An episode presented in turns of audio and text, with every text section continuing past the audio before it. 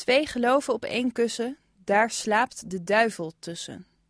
Het is een oud Nederlands gezegde dat voor mij zoiets betekent als: wanneer je levensstijl te zeer verschilt, zul je samen niet gelukkig worden. Dan is er in het dagelijks leven alleen maar strijd. Nu ken ik zelf niet zoveel mensen die zich gescheiden zien door geloofskwesties, maar des te meer door cultuur of door verschillende opvattingen van hoe het leven eruit hoort te zien. Als jij bijvoorbeeld graag verre reizen maakt, maar je vriend besteedt dat geld liever aan een flatscreen tv, of als je het liefst thuis op de bank zit terwijl je vriendin buiten aan het trainen is voor een marathon, ja, dan kan het maar zo zijn dat het grootste deel van je relatie je ruzie aan het maken bent met elkaar. Wilma van der Maten weet hoe het is. Ze heeft een relatie met een Pakistaanse man en die twee botsen bijna dagelijks. Hij vindt dat vrouwen er altijd mooi uit moeten zien en minder hard moeten werken. Maar zij is buitenlandcorrespondent en gelooft dat haar werk nooit ophoudt. En als ze dan ruzie krijgen, begint hij te zingen. Hoe hou je zo'n relatie gezond en gelukkig?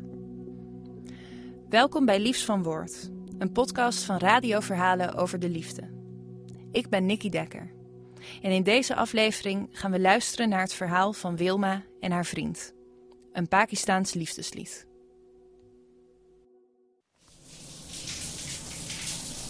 Ik woon met mijn Pakistaanse geliefde in Lahore...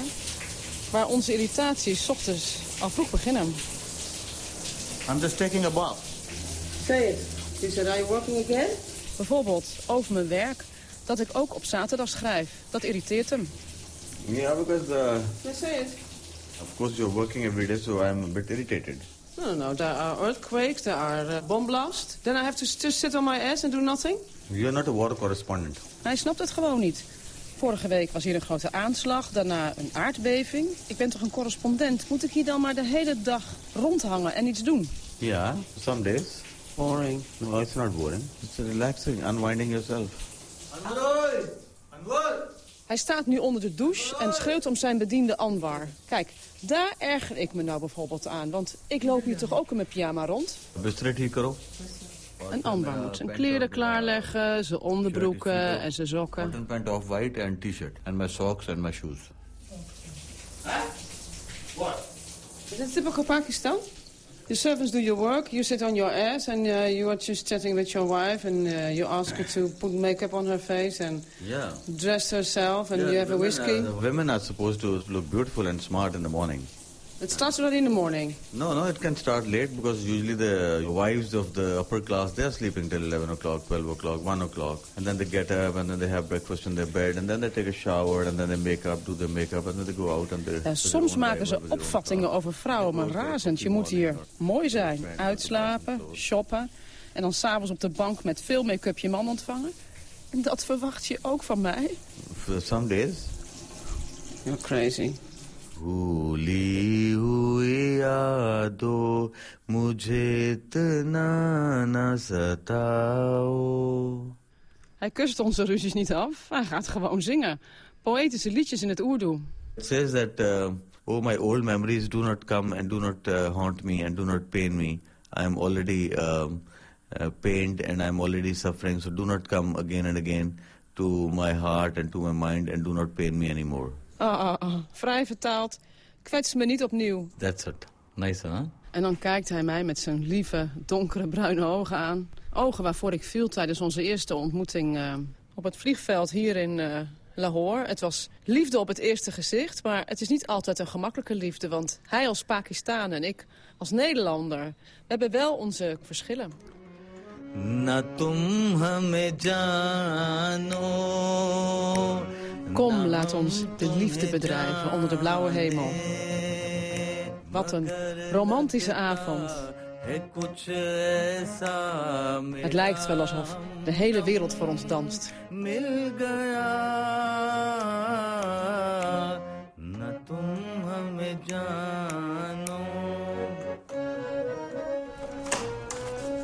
Een oud huis waarin we wonen in een eh, chique wijk van Lahore met een grote tuin, veel kunst aan de muren, klassieke sofa's... en op de grond handgeweven tapijten. Het is een warm huis waarin ik me heel erg uh, op mijn gemak voel. Waarom werd je eigenlijk verliefd op mij? I fell in love with you because I found you to be a very um, beautiful person and a very passionate and a very warm person and at the same time a very beautiful woman. Ah, dat is lief.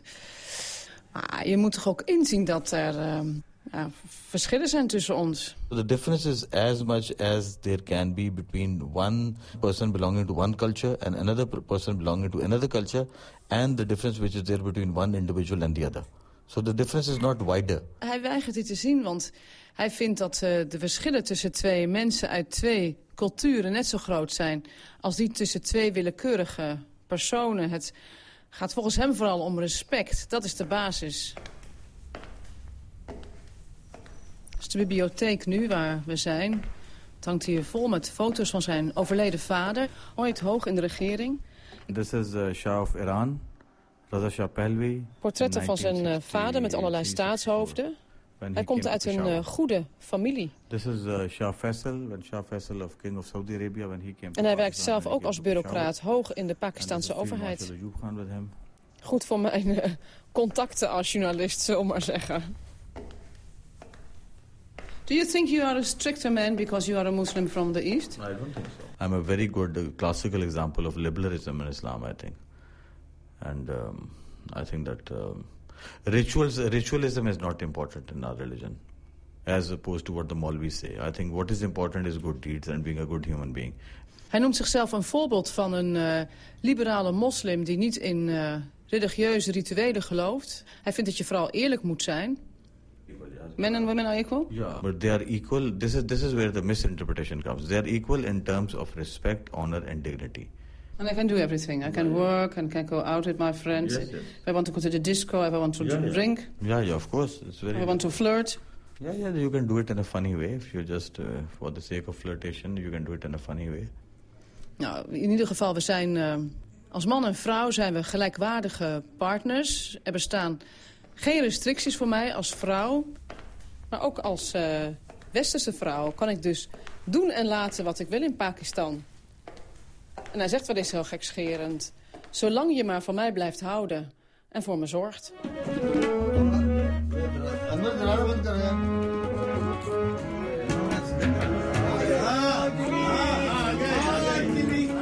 Hij heeft vanavond zijn vrienden uitgenodigd. Hij gaat voor ze zingen. Vrouwen en uh, mannen. En ze werken als bijvoorbeeld professoren op de universiteit. Eentje is hier zelfs een uh, ambassadeur. Wat vinden je vrienden nou eigenlijk van, uh, van mij, van ons?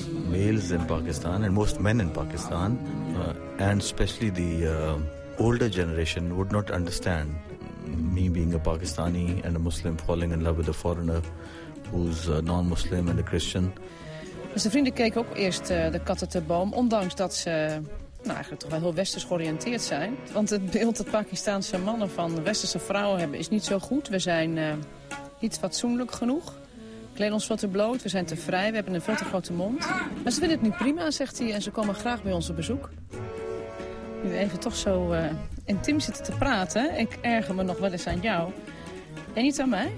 Those irritants are not so big that uh, you know, it could block our love for each other. Those those irritants are very small, and those uh, every individual is born with distinct uh, psychological characteristics. There's also beauty in diversity. There's also beauty in the semblance of two different colors. Ieder individu is uh, geboren met zijn eigen karaktereigenschappen. En hij ziet in uh, verschillen juist uh, schoonheid. Mooie kleuren die voor hem het plaatje van de liefde compleet maken. Ja, hier spreekt een echte romanticus. The beloved is waiting for a lover. Longing, longing. De vrouw wacht op haar geliefde. En ze verlangt met uh, smart naar hem. Maar er bestaat ook een grote kans dat hij niet zal komen.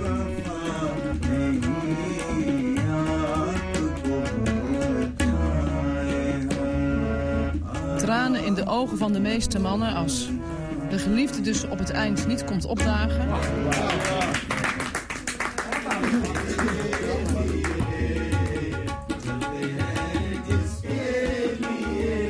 En er wordt een uh, goede borrel uh, geserveerd, want volgens mijn lief staat nergens in de Koran geschreven dat alcohol verboden zou zijn.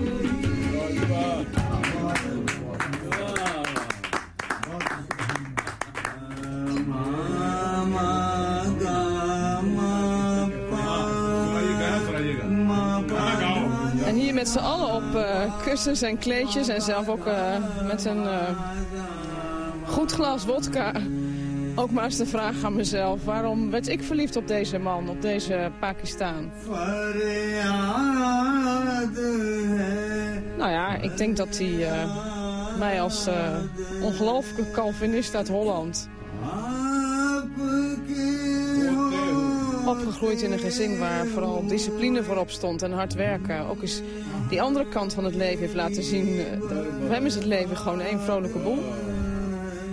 Daarom werd ik verliefd op hem. En daarom hou ik van hem. Als gereformeerde vind ik het soms wel heel erg uh, moeilijk, maar stiekem geniet ik wel enorm van het leven. En die vrijheid.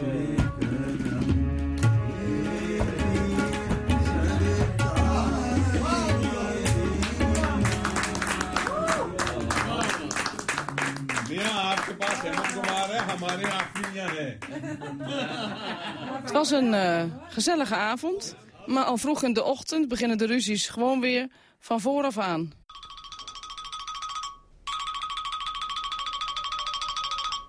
What's the time now? It's six o'clock. So I think we should sleep for a while. No, no. Can you can you make some tea for me? I'll tell my servant he can he can get up and uh, he can make the tea. Uh, come on, man. It's at six o'clock in the morning. Why should you wake him up? We can go to the kitchen and make some tea. Well, do you think you do you think you could live in Europe? I don't think so. That I would like to. Because I, I can, but I don't think Why so. not? I mean, very, very frankly, what Europe is doing is living in medieval ages where uh, people were uh, in the jungle and the forest. They were putting the wood on fire. Nou ja, zeg. Volgens jou leven we in Europa dus nog in de middeleeuwen... waar we ons potje koken op hout in het bos... omdat we zelf alles doen en geen leger van bedienden hebben zoals jij? If I don't have any choice and I have to move there, then I would of course move there because I would like to live with you. Because I would, I would definitely choose for you, even if I have to clean the snow and clean the bathrooms. Als er geen andere keuze is, zou hij toch met me meegaan naar Nederland. En dan is hij zelfs bereid om daar sneeuw te vegen en de badkamers te soppen. So you have to prioritize your life. Who's more important in your life? And if you are uh, spending the first uh, 18 or 20 years of life with your children, and then if you start uh, spending time with your spouse, then your spouse is too old by that time because your spouse is then 50 years old. En dan raakt hij onze grootste knelpunt eh, in onze relatie. Ik heb een eh, kind van tien en hij vindt dat ik haar veel te beschermd opvoed. We eten namelijk samen, ik breng haar naar bed. Ik lees haar eh, boekje voor. I think as far as you are concerned, I think you are over dependent on her and vice versa. She is over dependent on you and uh, I think you are not letting her grow really. Ja, Pakistanen hebben een eh, compleet ander familieleven. In het Westen zijn we gewend dat we ehm, heel veel tijd met ons gezin doorbrengen. Hier eet het kind met de oppas. Zijn ouders gaan er soms heel even bij zitten. Om zeven uur gaat hij naar zijn slaapkamer. Weer met de oppas. En dan is er spouse time, zoals hij dat noemt. De tijd die je met je partner doorbrengt. Mooi op de bank zitten met een glas whisky dus. We sat with their dinner. Of course, we didn't have dinner with them at 7 o'clock, but they had their dinner. We were sitting with them. We were Uh, we're used to it. We do it. In the Netherlands, we sit at six o'clock at the table and spend time with our children together. Yeah, but that doesn't mean that I should also eat at 6 o'clock. After 9 o'clock, you're spending time with your spouse? By the time We are talking about family life. You're talking about spouse life. We are talking about family life. It's not a family life. The spouse has his own requirements and the children have their own requirements. Ik zal daar nooit aan kunnen wennen. Ik vind het fijn om s'avonds met mijn kind aan tafel te zitten. Samen te eten. En ik zou het ook heel fijn vinden als jij er ook bij zit. En ik moet er niet aan denken dat iedere avond de oppas mijn kind naar bed brengt. En ik daar beneden in mijn mooie jurk op de bank zit. Ik zou me een hele slechte moeder voelen. What is what is the problem? What is the big deal of the children going with the maid? When I was five years old, I was going with, with the police driver to the school on my own. Kinderen worden hier al heel jong aan het personeel overgelaten. Toen hij vijf jaar was, bracht de chauffeur hem in zijn eentje naar school. Allemaal in het kader beweert hij om kinderen zo snel mogelijk zelfstandig te maken. Also, all the children in the West don't... Uh, all the children in the West are over the pin. Your, your case is different. If you had four children or five children or six children, No, no. That's not the basic. The basic is that you, after seven o'clock, want your time. You're just an egoist. so I don't have to, say anything on that.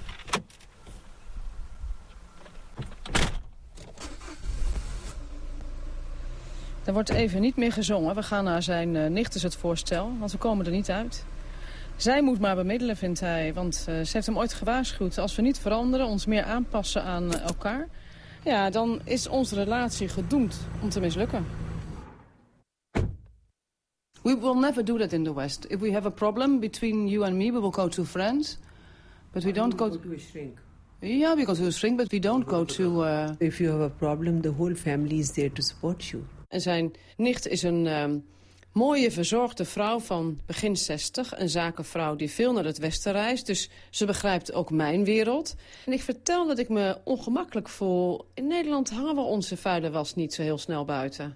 I think it's not washing your dirty linen in public. I think it's just taking support and guidance from people who are close to you. Ze zegt, ja, je, je familie houdt van je. En ze willen je graag helpen. Ze willen je graag adviseren. I love this man. Yeah. That's, that's not a problem. I really love him. And he's sweet and, and he's sincere. He's honest. But it's a completely spoiled man. Come on. From 7 o'clock in the morning till 11 o'clock, Anwar is walking through the house. Yeah. I want to cut him out, but yeah. he's still there. Yeah. I better make sure. Possible. There is no uh, comparison. I mean, you cannot draw a comparison between Hij vindt niet dat je culturen met elkaar kunt vergelijken. Which actually do not matter in the general scheme of things. It irritates me.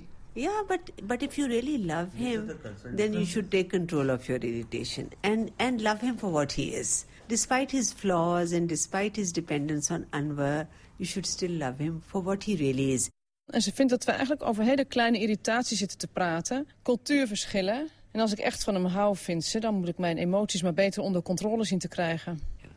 So I'm more the problem. No. The beauty of the whole relationship is that despite being belonging to different cultures, different countries, you people have surmounted all these cultural barriers and you have found a common ground where you love each other despite the language, despite the culture, despite the religion and whatnot.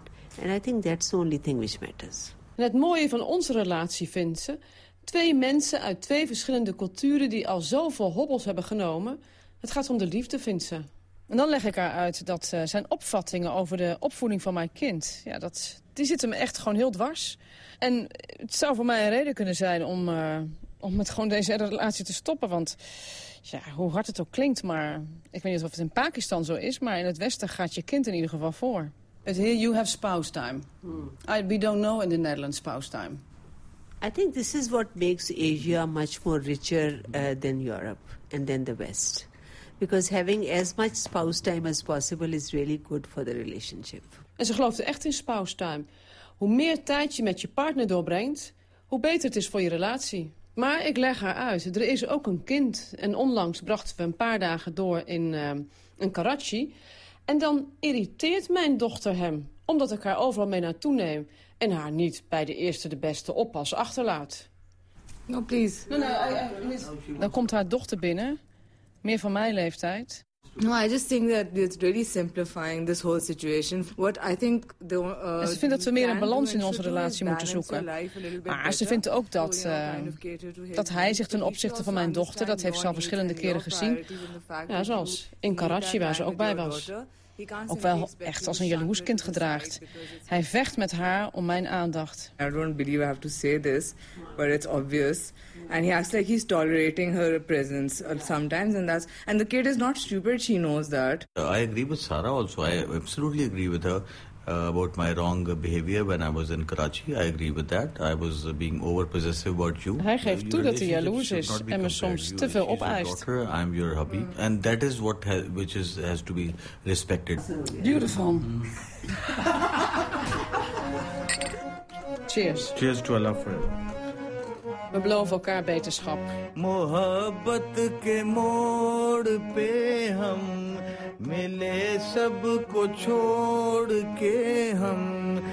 Door te zingen kan hij zijn gevoelens op dit moment het beste uitdrukken... en ook hoe hij tegen onze toekomst aankijkt. Hij zegt, ik, ik wist niet wie je was en jij wist niet wie ik was toen je mij ontmoette. Maar ik voelde in mijn hart dat ik mijn bestemming had bereikt. Je ogen vertelden het verhaal over onze liefde. We hebben elkaar ontmoet in een periode dat we iedereen achter ons lieten.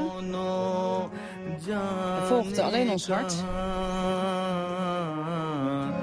En waar we morgen naartoe gaan, dat weten we niet. Maar wat vaststaat, is dat we altijd van elkaar zullen blijven houden.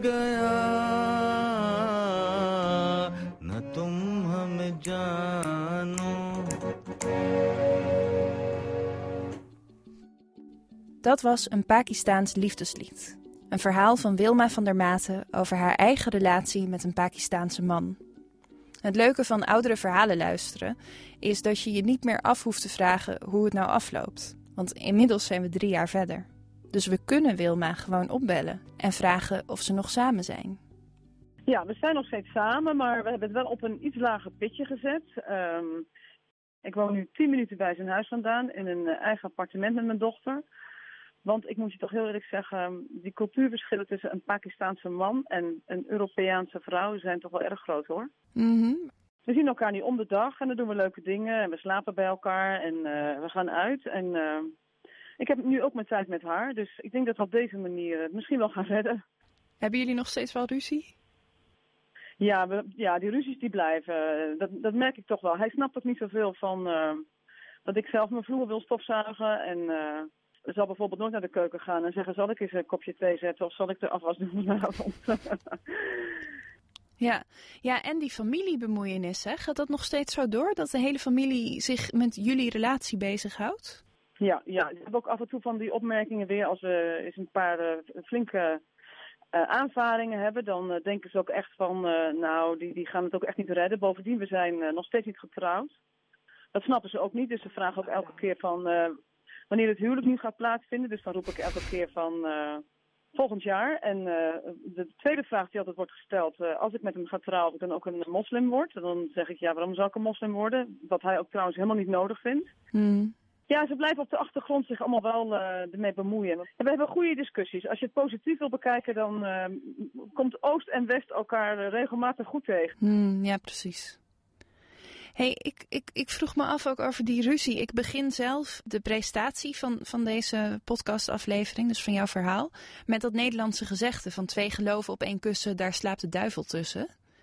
Zie jij dat ook als enigszins toepasbaar op jouw relatie? Nee, ik vind niet dat het, eh, dat het tussen onze relatie in staat. Absoluut niet. Het gaat echt gewoon om cultuur. En, en wat dan ook nog wel meespeelt, is dat hij uit een. eh, dat kennen wij in Nederland niet, maar dat heb je hier in Pakistan wel. Pakistan is ook echt een klassenmaatschappij. Hè? Je hebt de elite, de middenklasse en de lagere klasse. Nou, de elite zal zich nooit bemoeien met een lagere klasse en heeft ook helemaal geen vrienden in de lagere klasse. Hmm. En hij komt uit een, ehm, een vrij hoge bureaucratische familie. Dus ze zijn, eh, ik, ik, ik noem ze verwend. Ik noem het een hele verwende, soms zelfs een beetje een arrogante familie. En, en ik denk dat dat het meest bij mij dwars zit. Dat ik denk van, eh, het, is niet, het is niet een makkelijk land. Hè? Het is, zelfs al is je partner heel vrij en heel liberaal, dan is het de omgeving wel die met allerlei eh, op- en aanmerkingen komt. En ja, het is niet aardig om te horen dat, eh, ook van de familie ook, dat ze, ja, ze verwachten toch wel op een gegeven moment dat het gewoon fout gaat. Want ze vinden mij veel te vrij en ze vinden mij veel te... Een paar van mijn goede vrienden zijn eh, homoseksueel. En wat, wat hier natuurlijk helemaal niet mag. En, eh, en ik heb ook een paar vriendinnen die zijn transseksueel. Ik bedoel, wat maakt dat uit? Ja. En dan kijken ze me toch met, met scheve ogen aan. Dat Wilma die mensen in haar huis ontvangt. Die mensen in haar huis ontvangt, dat is toch iets wat je helemaal niet eh, in kunt doen. Maar ik, ik ben nu zover dat ik niet meer daarover discussieer. Dat ik denk van, daar ga ik niet zingen, want ik kan niet zingen. Maar dan hou ik gewoon mijn mond dicht. Dan denk ik, ik ga daar niet meer over, eh, over praten. Wat maakt er nou uit- uiteindelijk uit? Dat is ook de manier waarop ik mijn dochter opvoed. Ja. Het gaat om liefde, het gaat om respect. En, eh, en dat is iets wat ik in deze samenleving niet zoveel tegenkom. En dat vind ik af en toe wel heel moeilijk hoor. Dat vind ik echt heel moeilijk hier in dit land. Ik ben helemaal niet zo bezig met aanslagen en met al die terreurbewegingen en, en met die islam. Ik, ik vind het een hele intolerante samenleving. Echt een intolerante klassenmaatschappij. Ja, dat lijkt me echt heel moeilijk. Dat vond ik ook al in de documentaire. Ik vind het heel bewonderenswaardig ehm, hoe jullie dan ondanks al die cultuurverschillen... Cultuurverschillen klinkt nog vrij neutraal, maar het is wel, het raakt je gewoon af en toe heel diep, denk ik. Ehm, dus ik vind het heel knap hoe je dan toch samen blijft en ook gelukkig blijft. Ja, hij roept altijd en dat vind ik wel uh, heel prachtig. We kunnen enorme ruzies hebben en dan, uh, dan, dan gooi ik de telefoon erop of ik ga naar huis. En dan belt hij me de volgende ochtend op uh, alsof er niks is gebeurd. Is hij het ook vergeten en vergeten? Ik denk dat dat ook wel meespeelt hoor, dat hij ook wel een heel makkelijk karakter heeft. Hmm. Ik denk ook wel dat zijn houding, en daar moet ik hem echt alle credits voor geven, dat met zijn houding wij er ook wel elke keer weer doorheen komen. Ook al zou ik weglopen, zegt hij, dan kom ik je gewoon weer ophalen. hij is wel heel positief.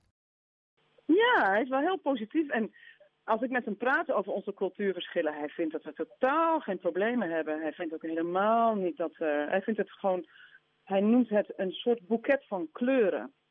Um, en dat juist dat wij van twee verschillende culturen afkomstig zijn, dat vindt hij juist een meerwaarde in onze relatie. Ik vind dat van niet, maar hij vindt dat van wel. Mooi. Hey, ik sluit deze podcast altijd af en dan vraag ik aan de geïnterviewde of die nog liefdesadvies hebben voor de luisteraar.